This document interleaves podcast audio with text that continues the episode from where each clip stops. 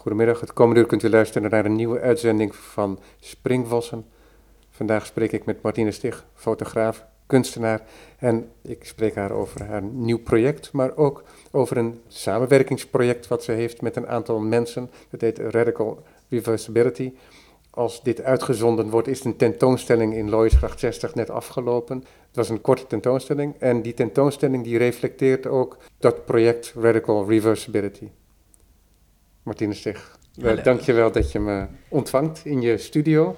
Maar ik dacht, voordat we het over Radical Reversibility gaan hebben, wil ik het wat directer over je eigen werk gaan hebben.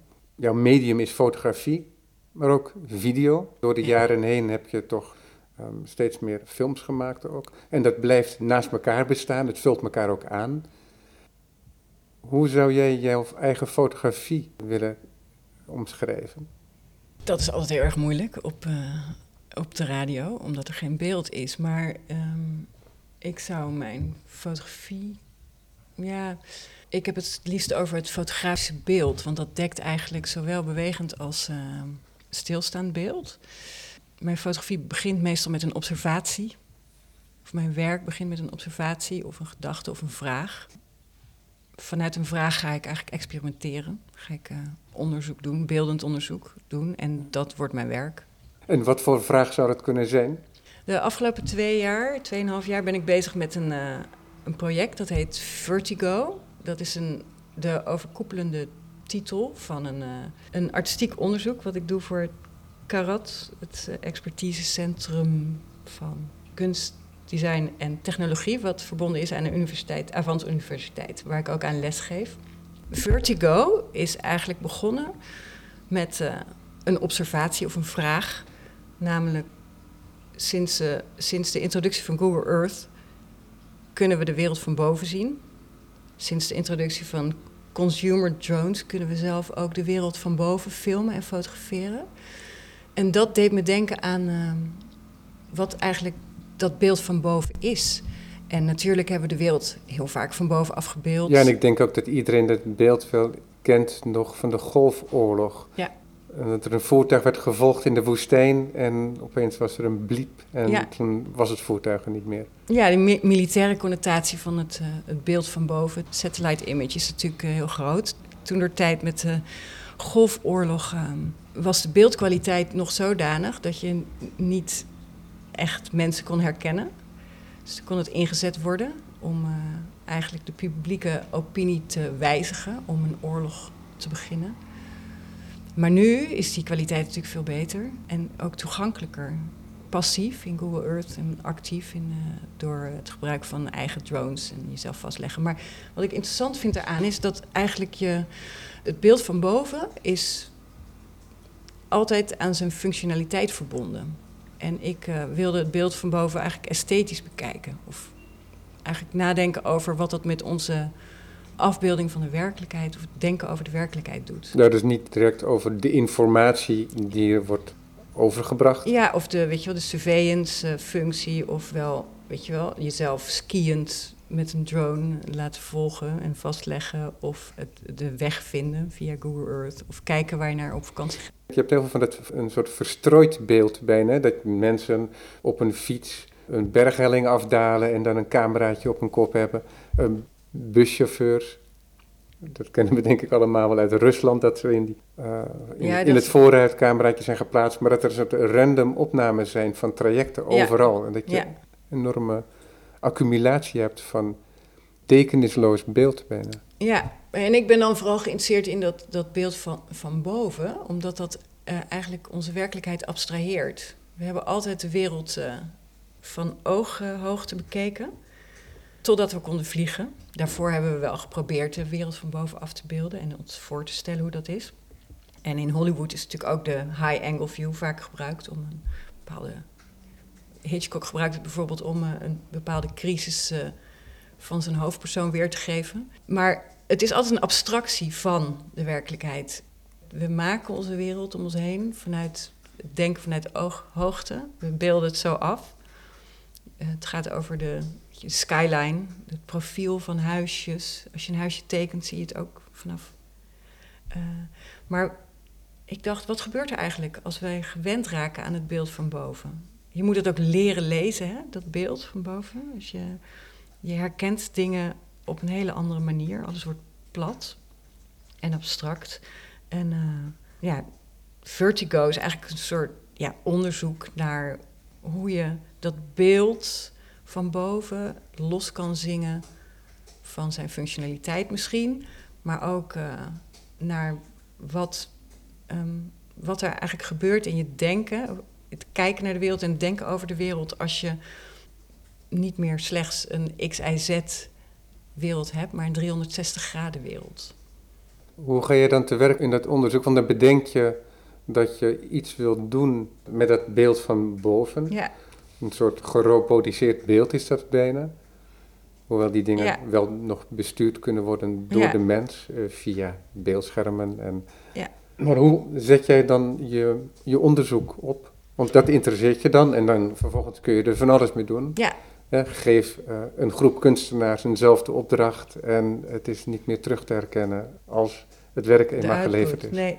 Nou, eigenlijk ben ik begonnen met, uh, met die vraag door een uh, historisch soort cross-domain onderzoek te doen naar waar de origine ligt van het topshot, van het beeld van bovenin.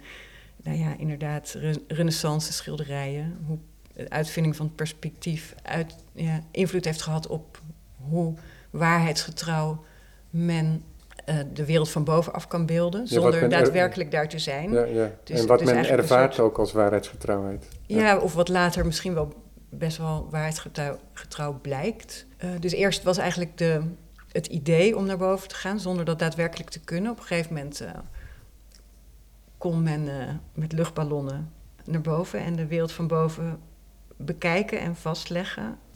Nou, de machtsconnotatie, de militaire connotatie, hoe het in Hollywood is gebruikt. Ik, de invloed op onze visuele cultuur. Maar je gaat dus, als ik het goed begrijp, allereerst naar alle mogelijkheden op zoek. Je, je brengt een beetje in kaart vanuit wat voor perspectief je eh, in welke velden je zo'n topshot kunt hebben. Ja, en wat daar, wat daar gebruikelijk in is, het is eigenlijk een soort begin van zo'n onderzoek. is eigenlijk meer ja, literatuur, beeldonderzoek. En, en uh, meer en meer raakte ik geïnteresseerd in hoe eigenlijk een uh, technologische vooruitgang ons kijken en denken beïnvloedt. En ook ja, hoe het onze visuele cultuur beïnvloedt. Op het moment dat um, de Sputnik omhoog gaat, uh, maakte Kees Boekes een uh, Powers of Ten. Daar is ook een filmpje van gemaakt hè, door de. Uh. begin je op aarde of begint het buiten? Het begint heel ver uit de aarde en je zoomt steeds meer in. Ja, tot je komt steeds dichter bij een, um, een stelletje wat... Een picknick is, dacht ik. Een picknick, inderdaad, ja. op een kleedje. En vervolgens ga je eigenlijk in de poriën van de hand. Dat kan je eigenlijk heel erg vergelijken met de zoom levels van Google Earth van nu. Maar er ontstond grote interesse in dit soort perspectieven door inderdaad de lancering van de Sputnik. Ja. Um, nou, dat soort kruis, weet je wel, dat soort uh, uh, dwarsverbanden vind ik interessant, hoe, hoe dat samenhangt. Ja, en de fascinatie ook toch van die ene ja. foto die bekend is geworden als de Pale Blue Dot. Ja. Dat iemand vroeg om de camera om te draaien in plaats van weg van de aarde om nog even een laatste beeld van de aarde te maken en over te zenden. Zodat we onszelf van buiten konden zien. Ja, dat is eigenlijk het begin, om dat een beetje in kaart te brengen voor mezelf. En dat, dan, daar in zo'n onderzoek neem ik grote vrijheid. Ik probeer niet uh, historisch uh, helemaal. Uh, ik pretendeer niet alle domeinen af te dekken. Je duikt erin en je gaat zien ja. wat er zoal wat er zoal gedacht is in die richting ja. en geproduceerd. Ja. En, en vervolgens ga ik, ben ik een, een film gaan maken vanuit een hoogpunt. Maar op wat voor moment besluit je om tot maken over te gaan? Nou, ja? is... als ik een beetje het gevoel heb dat ik de eerste uh, ja, outlines heb neergezet. En hoe lang duurt die eerste onderzoeksfase? Dat onderzoek, dat lezen en dat kijken? Ja, want ik neem aan dat je ook het gekantelde perspectief, wat je in middeleeuwse plaatjes ziet, dat zie je ook in Le en zo, dat je zo'n landschap opgeklapt ziet ja. en wat, je, wat in de 19e eeuw dan weer terugkomt. Ja. Dus ik neem aan dat, je, dat dat een heel prettige fase is. Ja. En wanneer kijk je weer op, als het ware, Ik Ja, je maar- kan je neem- natuurlijk echt, eh, die kan je heel lang eh, in onder blijven dompelen. Ja, net als maar dat je... Het, kan ook het- tussendoor. Het is als het dwalen in een encyclopedie. Ja, het een sluit het ander niet uit. Je, het opent in eerste instantie steeds meer deuren naar eh, onderzoek naar Ja. hoe perspectief werkt en wat dat voor invloed heeft gehad en Maar, hoe er in maar, andere is er, culturen wordt gekeken. ja, maar is er dan een bepaald moment of een bepaalde voorbeeld wat je bijzondere aandacht krijgt, waar je aan vasthaakt en wat als het ware het begin markeert? Hoe is die overgang? Ja, ik, het, het, het gaat ook parallel. Op een gegeven moment eh, krijg ik gewoon de kriebels en dan eh, wil ik iets maken en kijken wat. eh, weet je, je, je komt tot een bepaalde gedachte gaandeweg dat onderzoek van. weet je, hoe, hoe kan je eigenlijk een, een, een blik van boven, kan je dat loszien van, eh, eh, van zijn functionaliteit? Nou, dan is het tijd om dat te gaan proberen. En dan begin ik eh, zo'n project, dan wil ik, ja, ben ik begonnen met filmen, een filmplan te maken. Maar vervolgens ga ik ook verder weer met literatuuronderzoek. Maar het maken is in dat onderzoek wel essentieel. Het is een, sommige stappen kan je niet lezen, maar kan je alleen maar doen door te maken, Ja. denk ik. En is dat dan een testfase of ben je dan al echt het werk aan het maken? Nou, ja, de- soms, is, soms begint het met een testfase, maar het, eh, het, eh, het, is, het eindigt in werk. Ja. En dan heb je ook al bedacht of iets film of fotografie wordt. Ja, want je hebt het over het fotografisch beeld, maar Ja. uiteindelijk maak je toch ergens een keuze. En soms doe je het beide. Ja, nou, dat, eh, dat, eh, het schrijft zichzelf voor, denk ik altijd. De, dat, dat eerste project wat ik deed is dus een, eh, een film waarbij ik op een dakterras in Genua stond. Genua is een stad met heel veel hoogteverschillen. Ik wilde eigenlijk al langere tijd een, een film maken vanuit één punt. Een hoog punt waarbij je het misschien wel meer gaat over waar je je bevindt, waar vanuit wordt gefilmd, als dan wat je ziet eigenlijk. Dus dat speelde al langer in mijn hoofd en eh, nu kwam dat in dit onderzoek eigenlijk ja, bij elkaar. En eh, vond ik een locatie die geschikt was, waarbij je eigenlijk op heel veel verschillende straatjes keek. Nieuwere, oudere, je, zag een stukje van de zee. Er gebeurde van alles, maar niet te veel. Het was niet heel goed te duiden waar het was. Maar om de geologische, geografische eigenschappen van Genua had je Genua uitgekozen. Ja, ja. Ja. die, die voldeed. Ja. En het, het heeft ook iets filmies meteen, wat mijn eh, interesse wekte. Dus ik ben daar vier dagen op het dak eh, gaan filmen. En eh, ben met een lange lens, een zwart-wit film, eigenlijk de, de straten beneden mij gaan scannen. Dus ik maakte langzame bewegingen. Wat soms misschien op een drone lijkt, of op een surveillance camera. Je voelt ook wel af en toe de hand van mij dan daarin, de beweging. En dat is eigenlijk een film geworden waarbij... Ja, dus je hebt het niet vo- eh, volledig mechanisch gedaan, want je Nee. zou dat ding ook op een roterende kop kunnen zetten, eh, mechanisch aangedreven. En, Ja, dat had eh, gekund En bijvoorbeeld inderdaad. aangestuurd zelfs door een computer. Ja. Dat zou ook kunnen, maar dat doe jij dus niet. Nee, ik probeerde eigenlijk er ergens tussenin te gaan zitten. Dus dat het beeld tussen een, een surveillance drone en een film noir zit. Dus het lijkt mensen te volgen, maar op het moment dat ik mensen in beeld heb, scan Ja. ik daar eigenlijk gewoon overheen. Dus je ziet eigenlijk een glimp van het Ja. leven. Ja, want dat is ook een eigenaardigheid. Die, het is tegenwoordig toch wel een paar jaar in om een op de lichaam gedragen camera te hebben. De camera's zijn klein geworden, Mhm. een soort harnas. En dan, zodat er altijd een beetje beweging in het beeld zit. En soms levert dat de suggestie op alsof er iemand bespied wordt. Maar dan wordt het helemaal niet bedoeld. En dan vraag ik me wel eens af of mensen zich daar nog bewust van zijn. Ook de, de filmer zelf. Dus dat ze, dan gebruiken ze een bepaalde cameravoering, omdat Ja. dat in een periode gebruikelijk is. Ja. Net als dat je dood werd gegooid met de zooms in de jaren zeventig. Ja. Dus dan wordt de betekenis die het oproept, die het suggereert, die ligt niet in het beeld als intentie. Ja, maar ik vind het interessant om daar wel mee te spelen. Ja. Met wat, wat bepaald licht, wat bepaalde cameravoering, wat bepaald camera doet met de interpretatie van het beeld. Ik vroeg me ook af, het was in die zin ook ja, onderzoek eigenlijk van hoe je, hoe je dat zou bekijken als kijker uiteindelijk. Ehm, hoe je het zou duiden. En of je dat wel wil, of daar de behoefte aan is, en of dat je het kan vrijmaken van zijn ja, functionele connotatie. Of zijn, ja. Ja, want, want die functionele connotatie, die laat je ambivalent, denk ik ook, in die Mhm. film. Dat is ook het spel wat je speelt. Ja, want als, je, als het een surveillance camera zou zijn, dan zou die de mensen volgen in hun acties.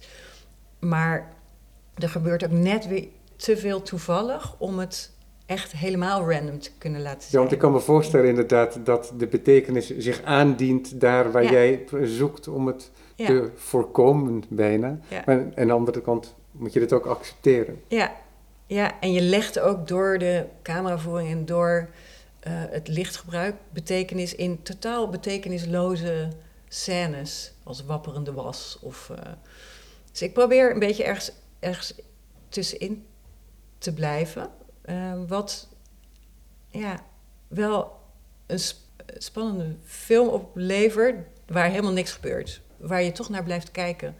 En is er gemonteerd in deze film? Ja, alleen maar. eh, er zi- zitten eigenlijk alleen harde cuts in, waarbij je eigenlijk steeds een soort. Ik scan en ga dan over naar de volgende scan. Het zijn dus steeds bewegingen die Ja, stoppen. Ja, maar waardoor het beeld verspringt. Ja. Zodat je geen een nette montage Nee, krijgt is geen, die eh, vloeiend is, nee. als het ware. En het is ook zo Of gemonteerd. harmonisch. Nee, het is geen verhalende, geen narratief in die zin. Maar het nodigt wel uit om eh, dat erbij te verzinnen.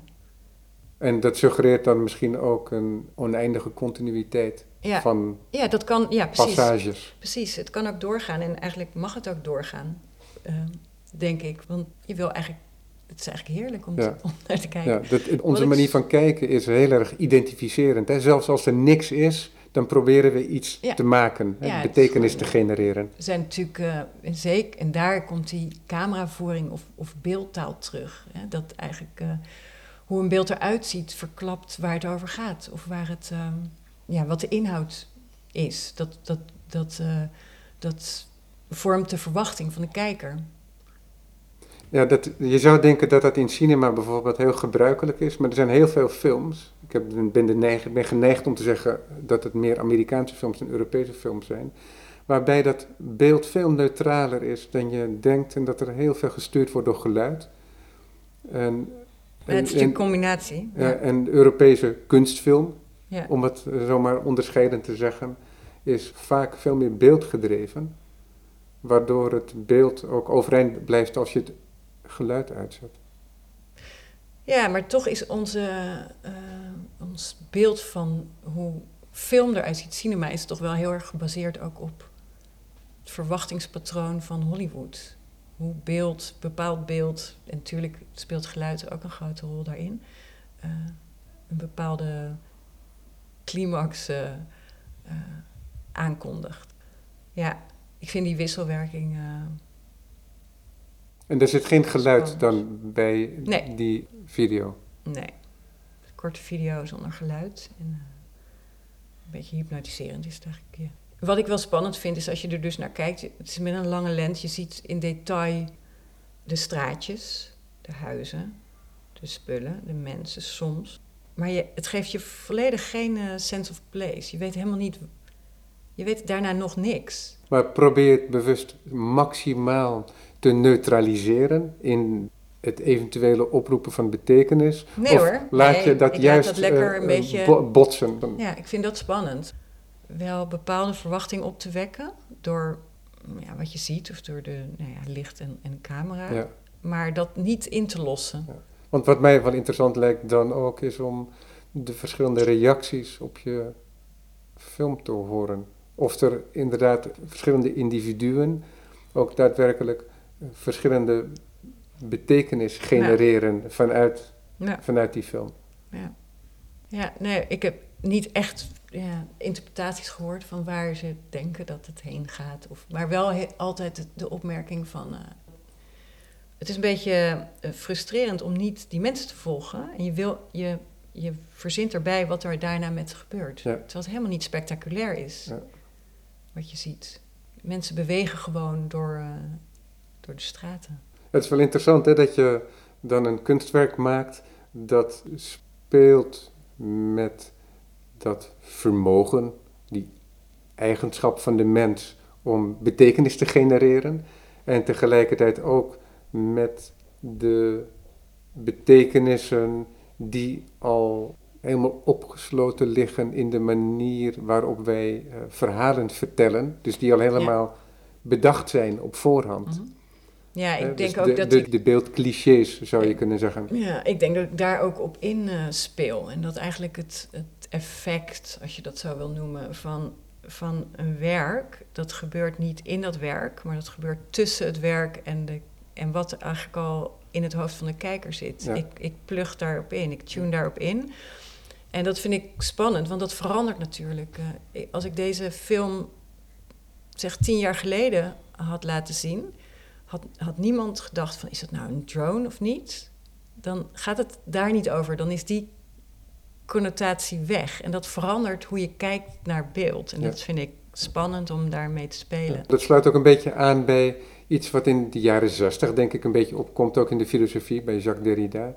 Dat in een tekst ook intenties en betekenissen kunnen zitten die voorbij gaan aan de auteur zelf. Mhm.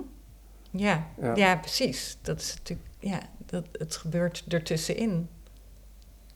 In interpretatie van lezer en uh, schrijver, denk ik, of maker. En, en aan de andere kant denk ik, als je aan mensen vraagt wat een kunstwerk is, is dat het een beeld is. Misschien wordt er over schoonheid gesproken, maar er zal toch ook wel over gesproken worden dat er een bepaalde betekenis wordt overgebracht. Ja. En het interessante is dat jij juist een soort metaspel speelt met betekenis en juist probeert om daar geen betekenis aan toe te voegen. En, ik denk, en, en hoewel, hoewel, ik denk dat je in, met de tijd uiteindelijk, want ik denk dat als je de afstand tot het maken van het werk groter wordt, dat dat steeds moeilijker wordt. Ik denk dat, je, dat met de tijd de, de intentie, ook jouw intentie, veel duidelijker naar voren zal gaan komen. Ja, ja dat zou kunnen. En het verandert ook. Hè? Een werk verandert door, door de tijd. Ja. ja, en door nieuw werk ja, ook. precies. Ja. Je eigen nieuwe werk, maar ook het werk van anderen. Wat er, ja, wat er, wat er wordt gemaakt en wat er ook buiten de kunst wordt gemaakt. Wat er, hoe de visuele cultuur eruit ziet. Want dat vind ik ook binnen dit onderzoek spannend. Dat je eigenlijk bestaat onze visuele cultuur nog steeds uh, uh, voornamelijk uit uh, het enkelvoudig fotografisch of filmische beeld van ooghoogte. Dat is dominant. En dat komt nog heel erg overeen met inderdaad ons, onze eye-level blik op de wereld. En ook de blik die zeg maar aan het lichaam zit. En niet de blik die zich loskoppelt van, van het lichaam. En ik bevragen eigenlijk in mijn onderzoek in hoeverre onze manier van de wereld afbeelden nog volstaat voor onze manier van denken over de wereld of onze waarneming. En ik probeer eigenlijk alternatieve manieren te vinden om uh, ons, ons wereldbeeld ja, uit te drukken.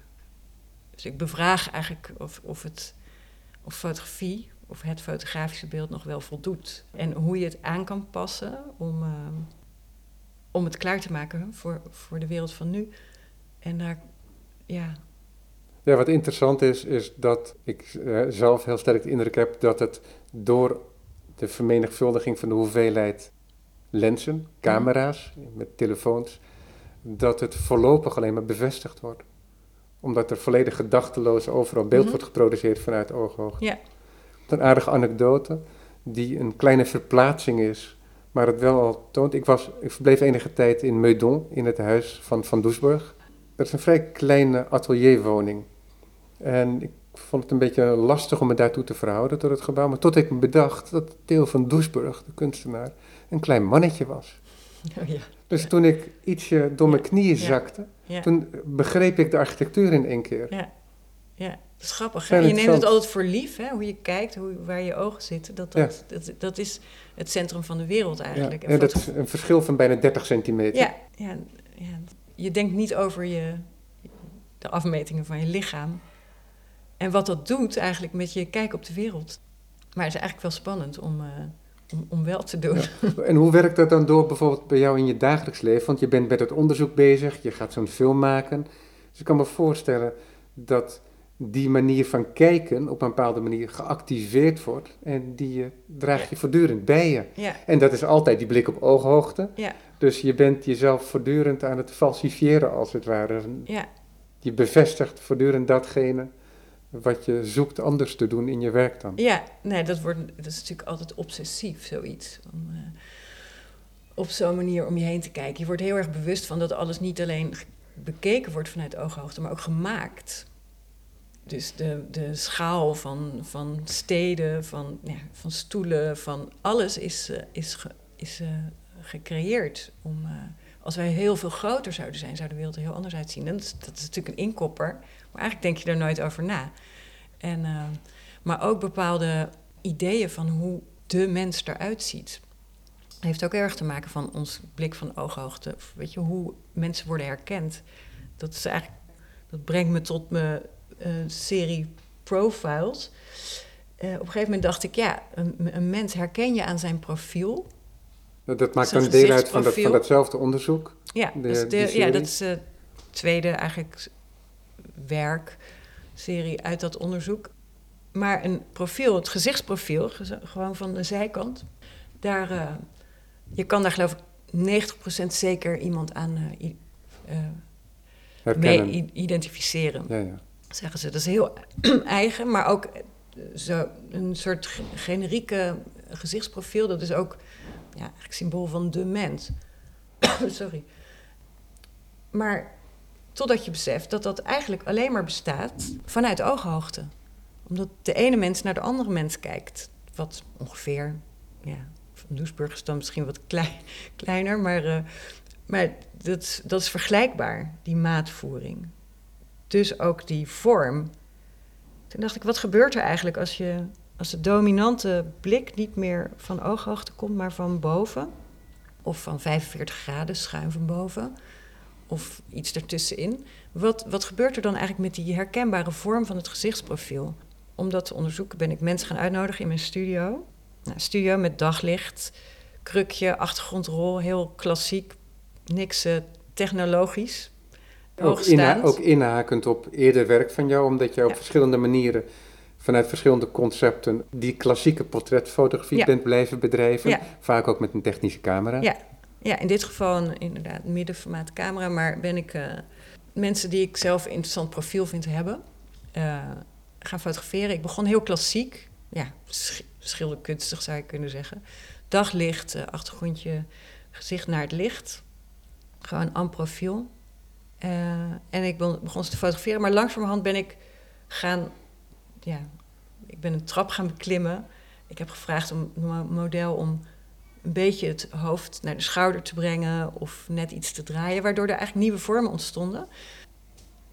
En waardoor eigenlijk de modellen langzamerhand mm, ja, vanuit een vreemde hoek werden gefotografeerd en misschien wel meer op een vogel gingen lijken of een, een trolletje of een sprookjesfiguur.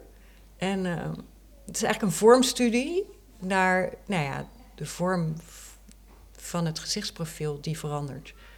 Dus de identiteit, de fotografische identiteit van iemand proberen ook op een andere manier te representeren. Ja, en daar ook na, over na te denken van zou dan iemand later van, zo, zo recht van boven herkenbaar moeten zijn. Dat is denk ik zo ook in software, nu al.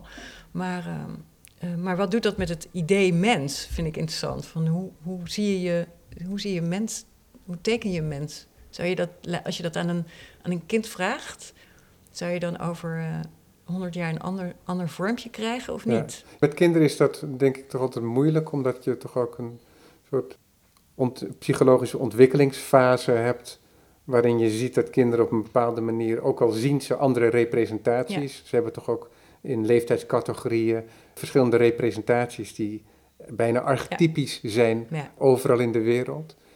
Maar ja, als je het naar tieners, vanaf, vanaf tien jaar is dat wel voorbij, denk ik. Ja, En van, vanaf dat moment zou dat wel interessant kunnen zijn. Ja, ja. Ja, zijn- kinderen hebben de neiging om alles te laten zien, alle kanten. Hè? Een soort. Een soort, eh, ja. Maar wat interessant is daaraan ook, is dat je je daardoor jezelf dwingt om inderdaad dat klassieke métier van de portretfotografie, wat je toch altijd op een bepaalde manier hebt geïntegreerd en geprobeerd Ja. te vernieuwen in je werk. Ja. Eh, dat het beeld eigenlijk niet is wat het pretendeert te zijn, bijvoorbeeld. Of dat je dingen probeert te tonen die niet aanwezig zijn, daarmee spelend ook met dat idee dat je een psychologie kunt aflezen aan een fotografie. Ja. Terwijl er heel veel op geprojecteerd wordt. Ja. Een soort wisselwerking. En dat je dan in dit geval zelfs de representatie van het gezicht in algemene zin probeert te veranderen. En dat tegelijkertijd probeert te eh, individualiseren door nieuwe eh, lijnen Ja. eh, te tonen. Ja. Is dat ook iets wat je dan bij bent gaan dragen? Ben je, dan, neem ik aan dat je ook op die manier naar je medemens gaat kijken. Ja. Ja, nee, dat is leuk. Dat is natuurlijk eh, van andere hoeken of voorstellen, of weet je wel. Eh, met één oog kijken dan natuurlijk. Ja. Nee, ik ben ook nu voor deze serie heb ik ook voor het eerst eigenlijk mijn, mijn dochter gefotografeerd. Eh, wat ik wel doe, maar eigenlijk alleen privé. Maar dat komt omdat ik ook naar haar zo zat te kijken. Van, Ja, een foto die je onlangs gepresenteerd hebt ook. Ja. Ja, klopt. Waarbij eh, eigenlijk haar neus helemaal niet meer uitsteekt. Maar ja, dat is heel lastig om te beschrijven. Ja, maar waardoor, waardoor je vo- voorhoofdsbolling, jukbeen, eh, kaaklijn krijgt. Ja. Ja. Ja. Het echt prachtige beelden levert het ook op. Ja. Het is niet alleen vervreemdend, Ja. Maar Ja. omdat het zo mooi is, ehm, schik je jezelf als kijker al heel snel in dat beeld. En ga je ook heel snel dat spel aan. Ja, wat ik spannend vind is dat je eigenlijk als kijker, je gaat heen en weer tussen je ratio en je, en je pure kijken. Van, ehm, enerzijds weet je dat, dat het beeld een gedraaid hoofd is. Dus kan je dat eigenlijk van dat platte fotografische beeld, kan je het eigenlijk 3D denken. Anderzijds zie je het wel als plat lijnprofiel. En Ja. daar shift je een beetje tussen. En dat, ja, dat vind ik een heel interessant gebied. Ja, want dat is dan ook sowieso raar, hè? Want hoe zien wij de wereld als we de wereld in ons hoofd bekijken? Ik herinner me dat ik als kind, als ik tekeningen maakte, zoals ik een jaar of acht, negen was ik toen, dan, als ik dan bijvoorbeeld een paard wilde tekenen, dan projecteerde ik dat paard in mijn hoofd. Maar als ik hem anders wilde, dan dat was echt een 3D-beeld. En dat kon ik dan als in een soort CAD-programma, Ja, kon ik dat draaien. Ja, ja. Dus kantelen ook in hoogte. Ja. Maar daarvoor moest ik echt een soort knopje aanzetten in mijn hoofd. Want normaal gesproken had ik toch een, denk ik een plattere representatie van de wereld. ja, daar is ook best veel over geschreven. Hè? Hoe, je, hoe je dus, zie je nou... Ja, dat heet, heet de recognition by components theorie of de gestalt eh, theorie. theorie. Of, je, of je eigenlijk je werkelijkheid opbouwt uit blokjes... die je eigenlijk best wel goed kan kantelen inderdaad in je hoofd. Of is het, eh, denk je vanuit het geheel? Ja, dat, dat speelt dan ook een rol. En daar ga ik dan naar, naar op zoek, naar dat soort theorieën... als ik bezig ben met zo'n serie. Om weer na te, ja, verder na te kunnen denken over ja, hoe je eigenlijk kijkt... of hoe je interpreteert.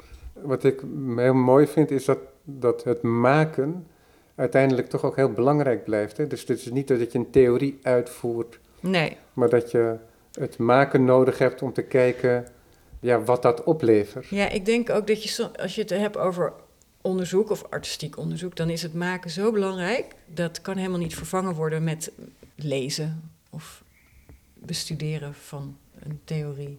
Beeld is dat onderzoek, want anders wordt het illustratief. En dan, eh, ja, dan maakt het zichzelf overbodig, behalve zijn esthetische kwaliteiten. Maar dat is niet eh, het enige bestaansrecht, denk ik. Die foto's, hoeveel heb je daarvan gemaakt? Die- Het zijn er die- nu acht, maar ik ben eigenlijk nog. eh, het gaat gewoon een beetje tussendoor door. Ik vind eh, leuk om elke keer weer te kijken hoe een. eh, Je hebt niet van tevoren bedacht, ik wil er zoveel hebben, maar je bent intuïtief. Als het, zolang het interessant blijft Ja. en voldoende variatie en spanning op blijft leveren, ga je daarmee door. Ja, ik denk het wel, want eh, op een gegeven moment heb je, heb je alle hoeken wel gehad of alle, alle posities wel afgetast. En dan wordt het een herhaling van zetten en dan vind ik het niet interessant meer. Ja. Maar daar ben ik nog net niet, denk ik. Ja. En misschien, ja. Vooralsnog heb ik eigenlijk alleen de extreemste of de vreemde hoeken getoond. Maar uh, ik heb binnenkort een tentoonstelling in Delft.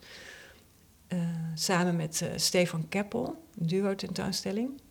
En daar ga ik kijken of ik ook de, eigenlijk waarmee ik begin, de, de traditionele profielen wil tonen. Of dat, ja, hoe dat samenwerkt. Misschien besluit ik het uiteindelijk niet te doen hoor, maar ik, ik wil dat wel uit gaan proberen.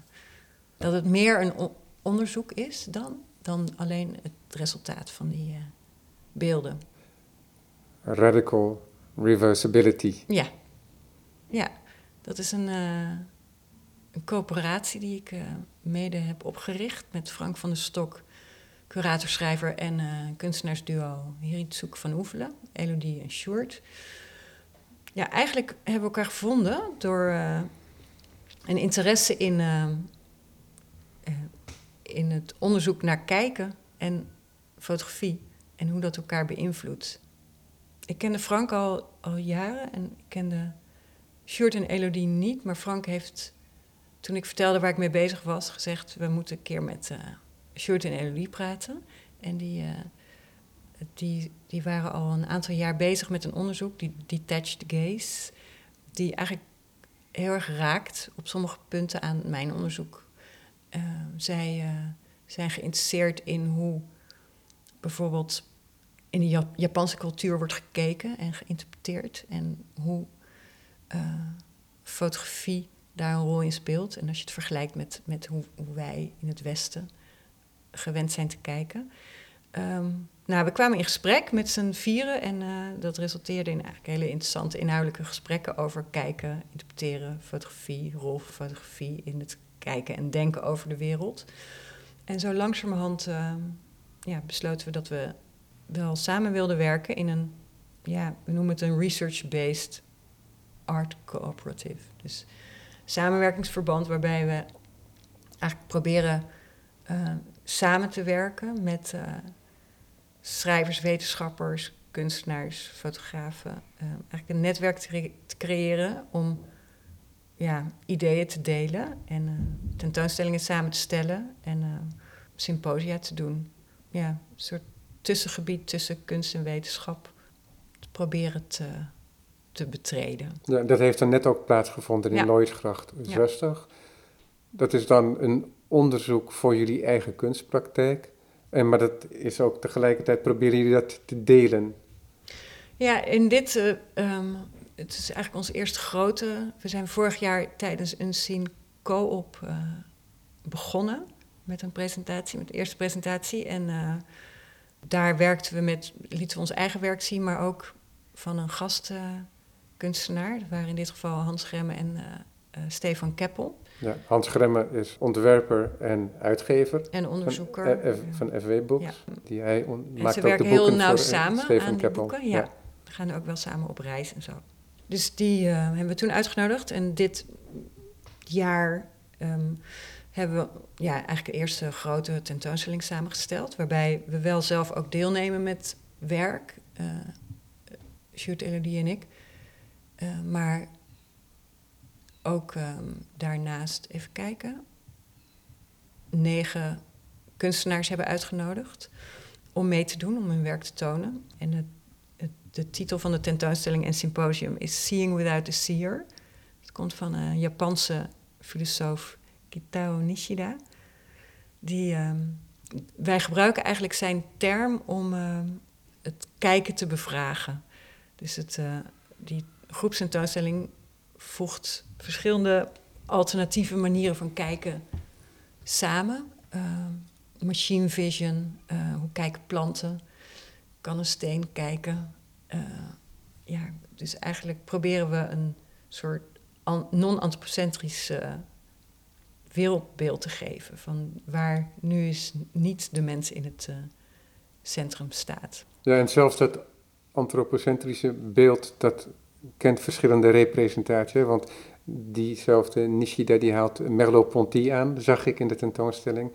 En Merleau-Ponty die probeert ook met name in zijn late filosofie het lichaam heel erg te betrekken. Ja. Dus niet alleen um, het waarnemen van de wereld met het hoofd, ja. maar ook het lichaam en het lichaam als onderdeel van de wereld. Ja, En dat is dan bijna ook een soort onbewuste relatie, of een relatie met de wereld die we geneigd zijn te vergeten in de intellectuele overpeinzing over de wereld.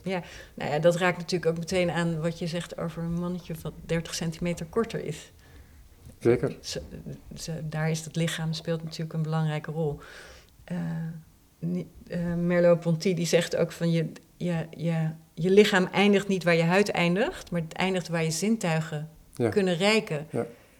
Maar als je die notie nu bedenkt, met alle data, Google Earth en alle, ja, dan wordt het eh, een heel bizar beeld van alle, hoe alle lichamen van mensen door elkaar heen de hele wereld beslaan eigenlijk. Ja, we hebben ook eh, op het symposium, we hebben dus een tentoonstelling georganiseerd en een symposium waar, waar filosofen, schrijvers en kunstenaars eh, spraken, eh, visual case studies deden, lectures deden, maar ook in gesprek met elkaar gingen. Ehm, hebben wij de schrijver Adam Lognane uitgenodigd. Hij heeft een vergelijkend essay geschreven over Merleau-Ponty en Nishida. Die hebben nogal wat raakvlakken. Ja, dus die tentoonstelling en het symposium is eh, ja, eigenlijk onze eerste stap in hoe wij proberen een, ja, eigenlijk een soort platform te vormen voor gesprek en eh, uitwisseling. Ja, want wat heel gek is daarin, is dat je als bezoeker van de tentoonstelling nog steeds je blik meeneemt. Ja. Die, Ja, blik, die- die ja. blik over het algemeen van ooghoogte. Ja, Er zijn weinig mensen die door de knieën gaan in tentoonstellingen. En eh, ja, er zijn zelfs weinig mensen die bijvoorbeeld een beeld schuin bekijken als het een foto betreft, bijvoorbeeld Ja. een platbeeld betreft. Er hangt in ja licht- fotografie is natuurlijk in die zin heel erg eh, ja, eigenlijk, eh, de belichaming van het, het perspectivische kijken. Ja, hoewel je wat je heel veel ziet in de fotografie tegenwoordig, is dat fotografen installaties maken. En in de vorm dat er, dat er foto's worden gedrapeerd over Ja.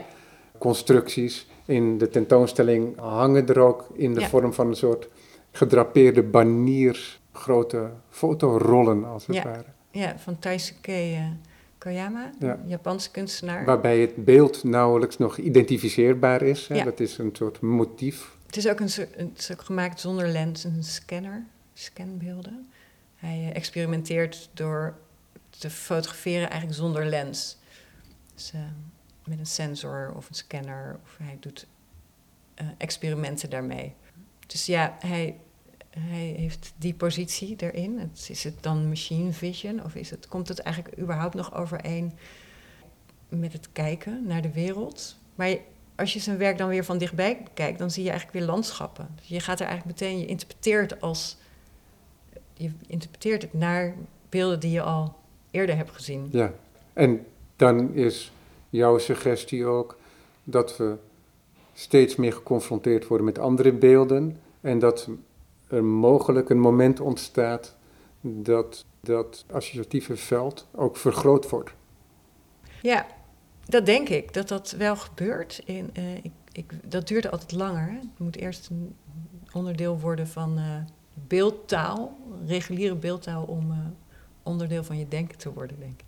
Maar ja, we, presenteren, we voegen samen verschillende manieren van kijken. Waarbij we bijvoorbeeld tonen van Marjolein Dijkman en Toril Johansson, een Nederlands woonachtig in België kunstenaar en een eh, Noorse kunstenaar die samen hebben gewerkt voor het Museum in Oslo. Die naar een nieuwe locatie gaat. Zij zijn uitgenodigd om een werk te maken. Zij hebben een, microscopische film gemaakt. eh, wat in samenwerking met de Universiteit van Oslo is gemaakt. Waar, waar zij met een ja, hele sterke microscoop ehm, eh, het brakke water, wat daar in dat fjord voor dat museum, eigenlijk de, botsing van zoet en zoutwater, wat daar gebeurt. Maar dat hebben ze ook beïnvloed in het lab samen met de wetenschappers.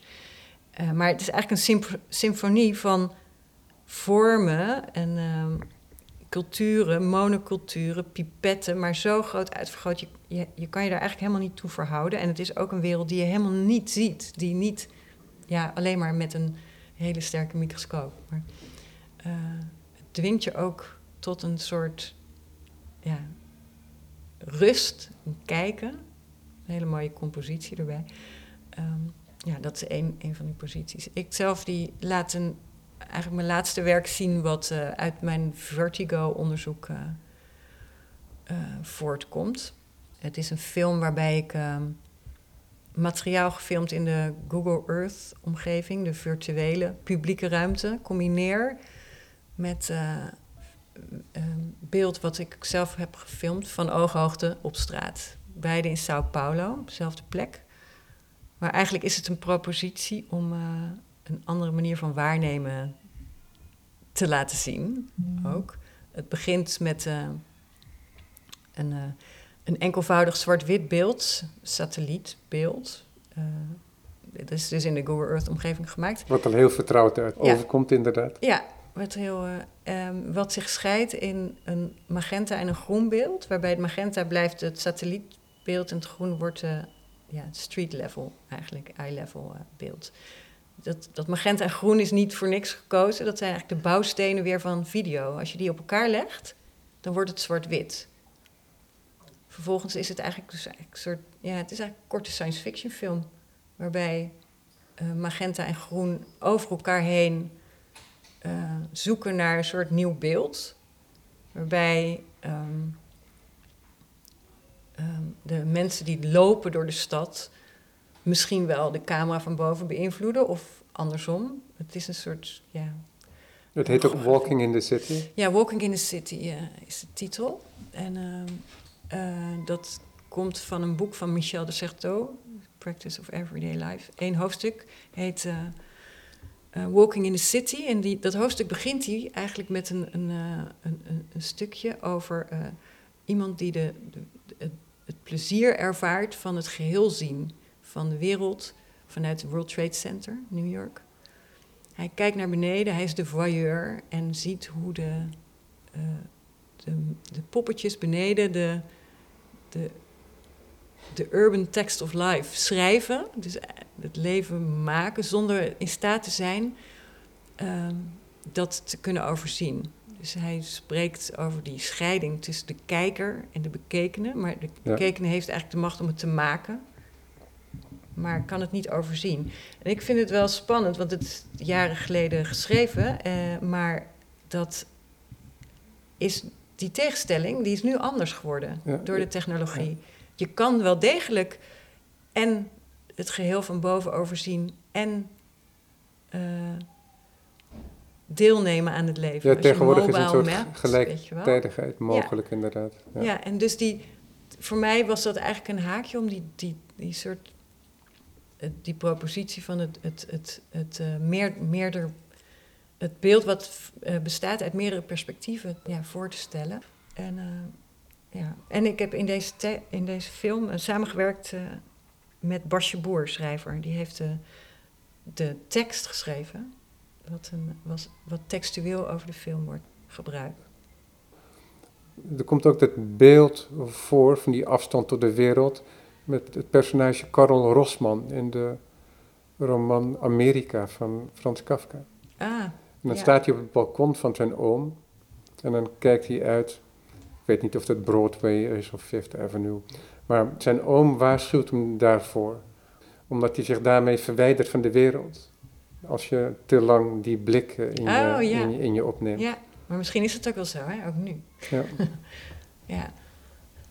ja. want ook al overzie je het alles, je blijft wel uh, nou ja, ontkoppeld van de wereld misschien. Ja, of gewoon, ja, dat is toch altijd het problematische, dat wij toch heel veel tijd doorbrengen voor een scherm. Ja, ja, ja.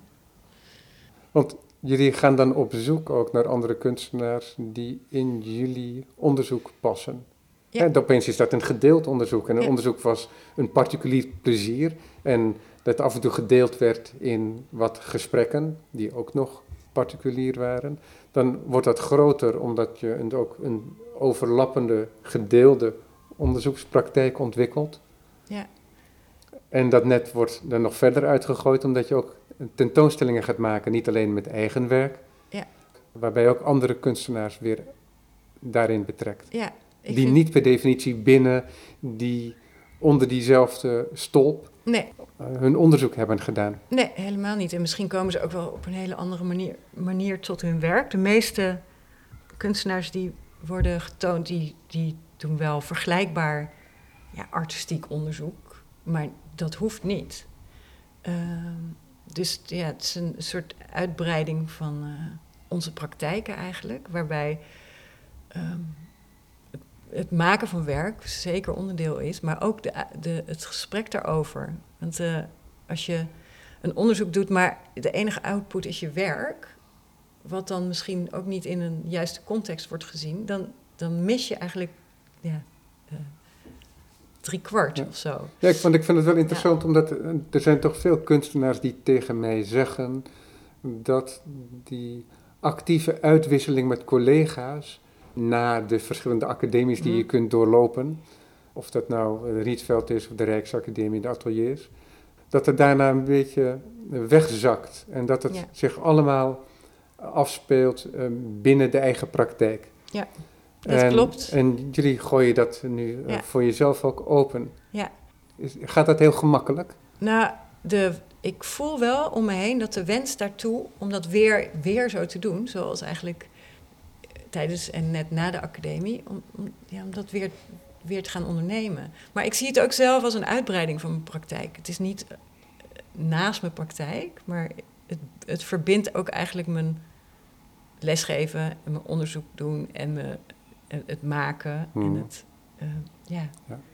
Omdat het ook het, je eigen maken raakt, ehm, kan ik me voorstellen dat het ook destabiliserend kan zijn. Dat je ideeën uitwisselt waar je aan werkt. Normaal gesproken blijven kunstenaars op een Ja. ideeën zitten tot er een, wordt een, een, een uitvoering Ja. is waar ze tevreden mee zijn. Ja.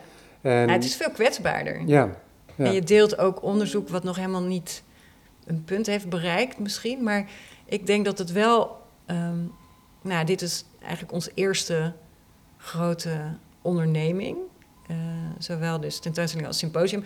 En ik, ik word daar wel echt heel eh, gelukkig van. Hoe, dat, hoe die uitwisseling eh, eh, zich voltrekt. En ook hoe die kwetsbaarheid, die heeft iedereen natuurlijk. En hoe intensief En die, is eh, het? Nou, de laatste week was het heel intensief, om, omdat het toewerkt naar een, een, presentatiemoment. Maar door, door het jaar heen is het één dag per week. Werken we samen, spreken we af. Dat jullie echt samenkomen. Ja, ja. Maar, maar En waar bestaat dat samenkomen dan uit? Ja, het ligt er een beetje aan in de fase. De laatste fase is natuurlijk heel productioneel, heel eh, Maar praktisch. is, maar is het eh, heel erg gericht um, vanaf het begin naar een, bijvoorbeeld de tentoonstelling die er uiteindelijk gekomen is? Of is het veel opener? Um, eh, hebben jullie een thema dat jullie van tevoren aangeven waar jullie over gaan spreken bijvoorbeeld? Of maken jullie ook dingen samen? Nee, we maken niet dingen samen. De praktijken zijn ook echt eh, gescheiden van elkaar. Maar we, we praten wel over, over onderzoek of over ehm, ja, wat je fascineert, wat je, wat je bezighoudt. Testjes of experimenten laten zien. En eigenlijk gaat het al wel, ging het al best snel naar een soort vorm, zoekend naar een vorm en een manier van presentatie. En het zoeken van kunstenaars, doen van atelierbezoeken. eh, uitwisselen van ideeën over welke richting het moet krijgen. Teksten die je deelt, titels die je gaat verzinnen, haakjes. Het wordt eigenlijk steeds soort nauwer, totdat dan die presentatie daaruit voortkomt. En dan ga je in een productiemodus. Maar daar, ja. Ik Ja. kijk nu bijvoorbeeld weer heel erg uit naar de periode dat het weer meer over inhoud en uitwisseling kan gaan. En dat, Maar- die uitwisseling die, die, is- die loopt nog door. Ja. Die loopt nog door, ook zeker door zoiets te organiseren. Heb je heel veel nieuwe kunstenaars eh, eh, leren kennen. En eh, andere mensen. Dus dat, eh, ja, daar kijk ik heel erg naar uit. ja, je begint te lachen als je erover spreekt, dus daar bestaat geen twijfel over. Nee. Martine Sig, dankjewel. Dankjewel.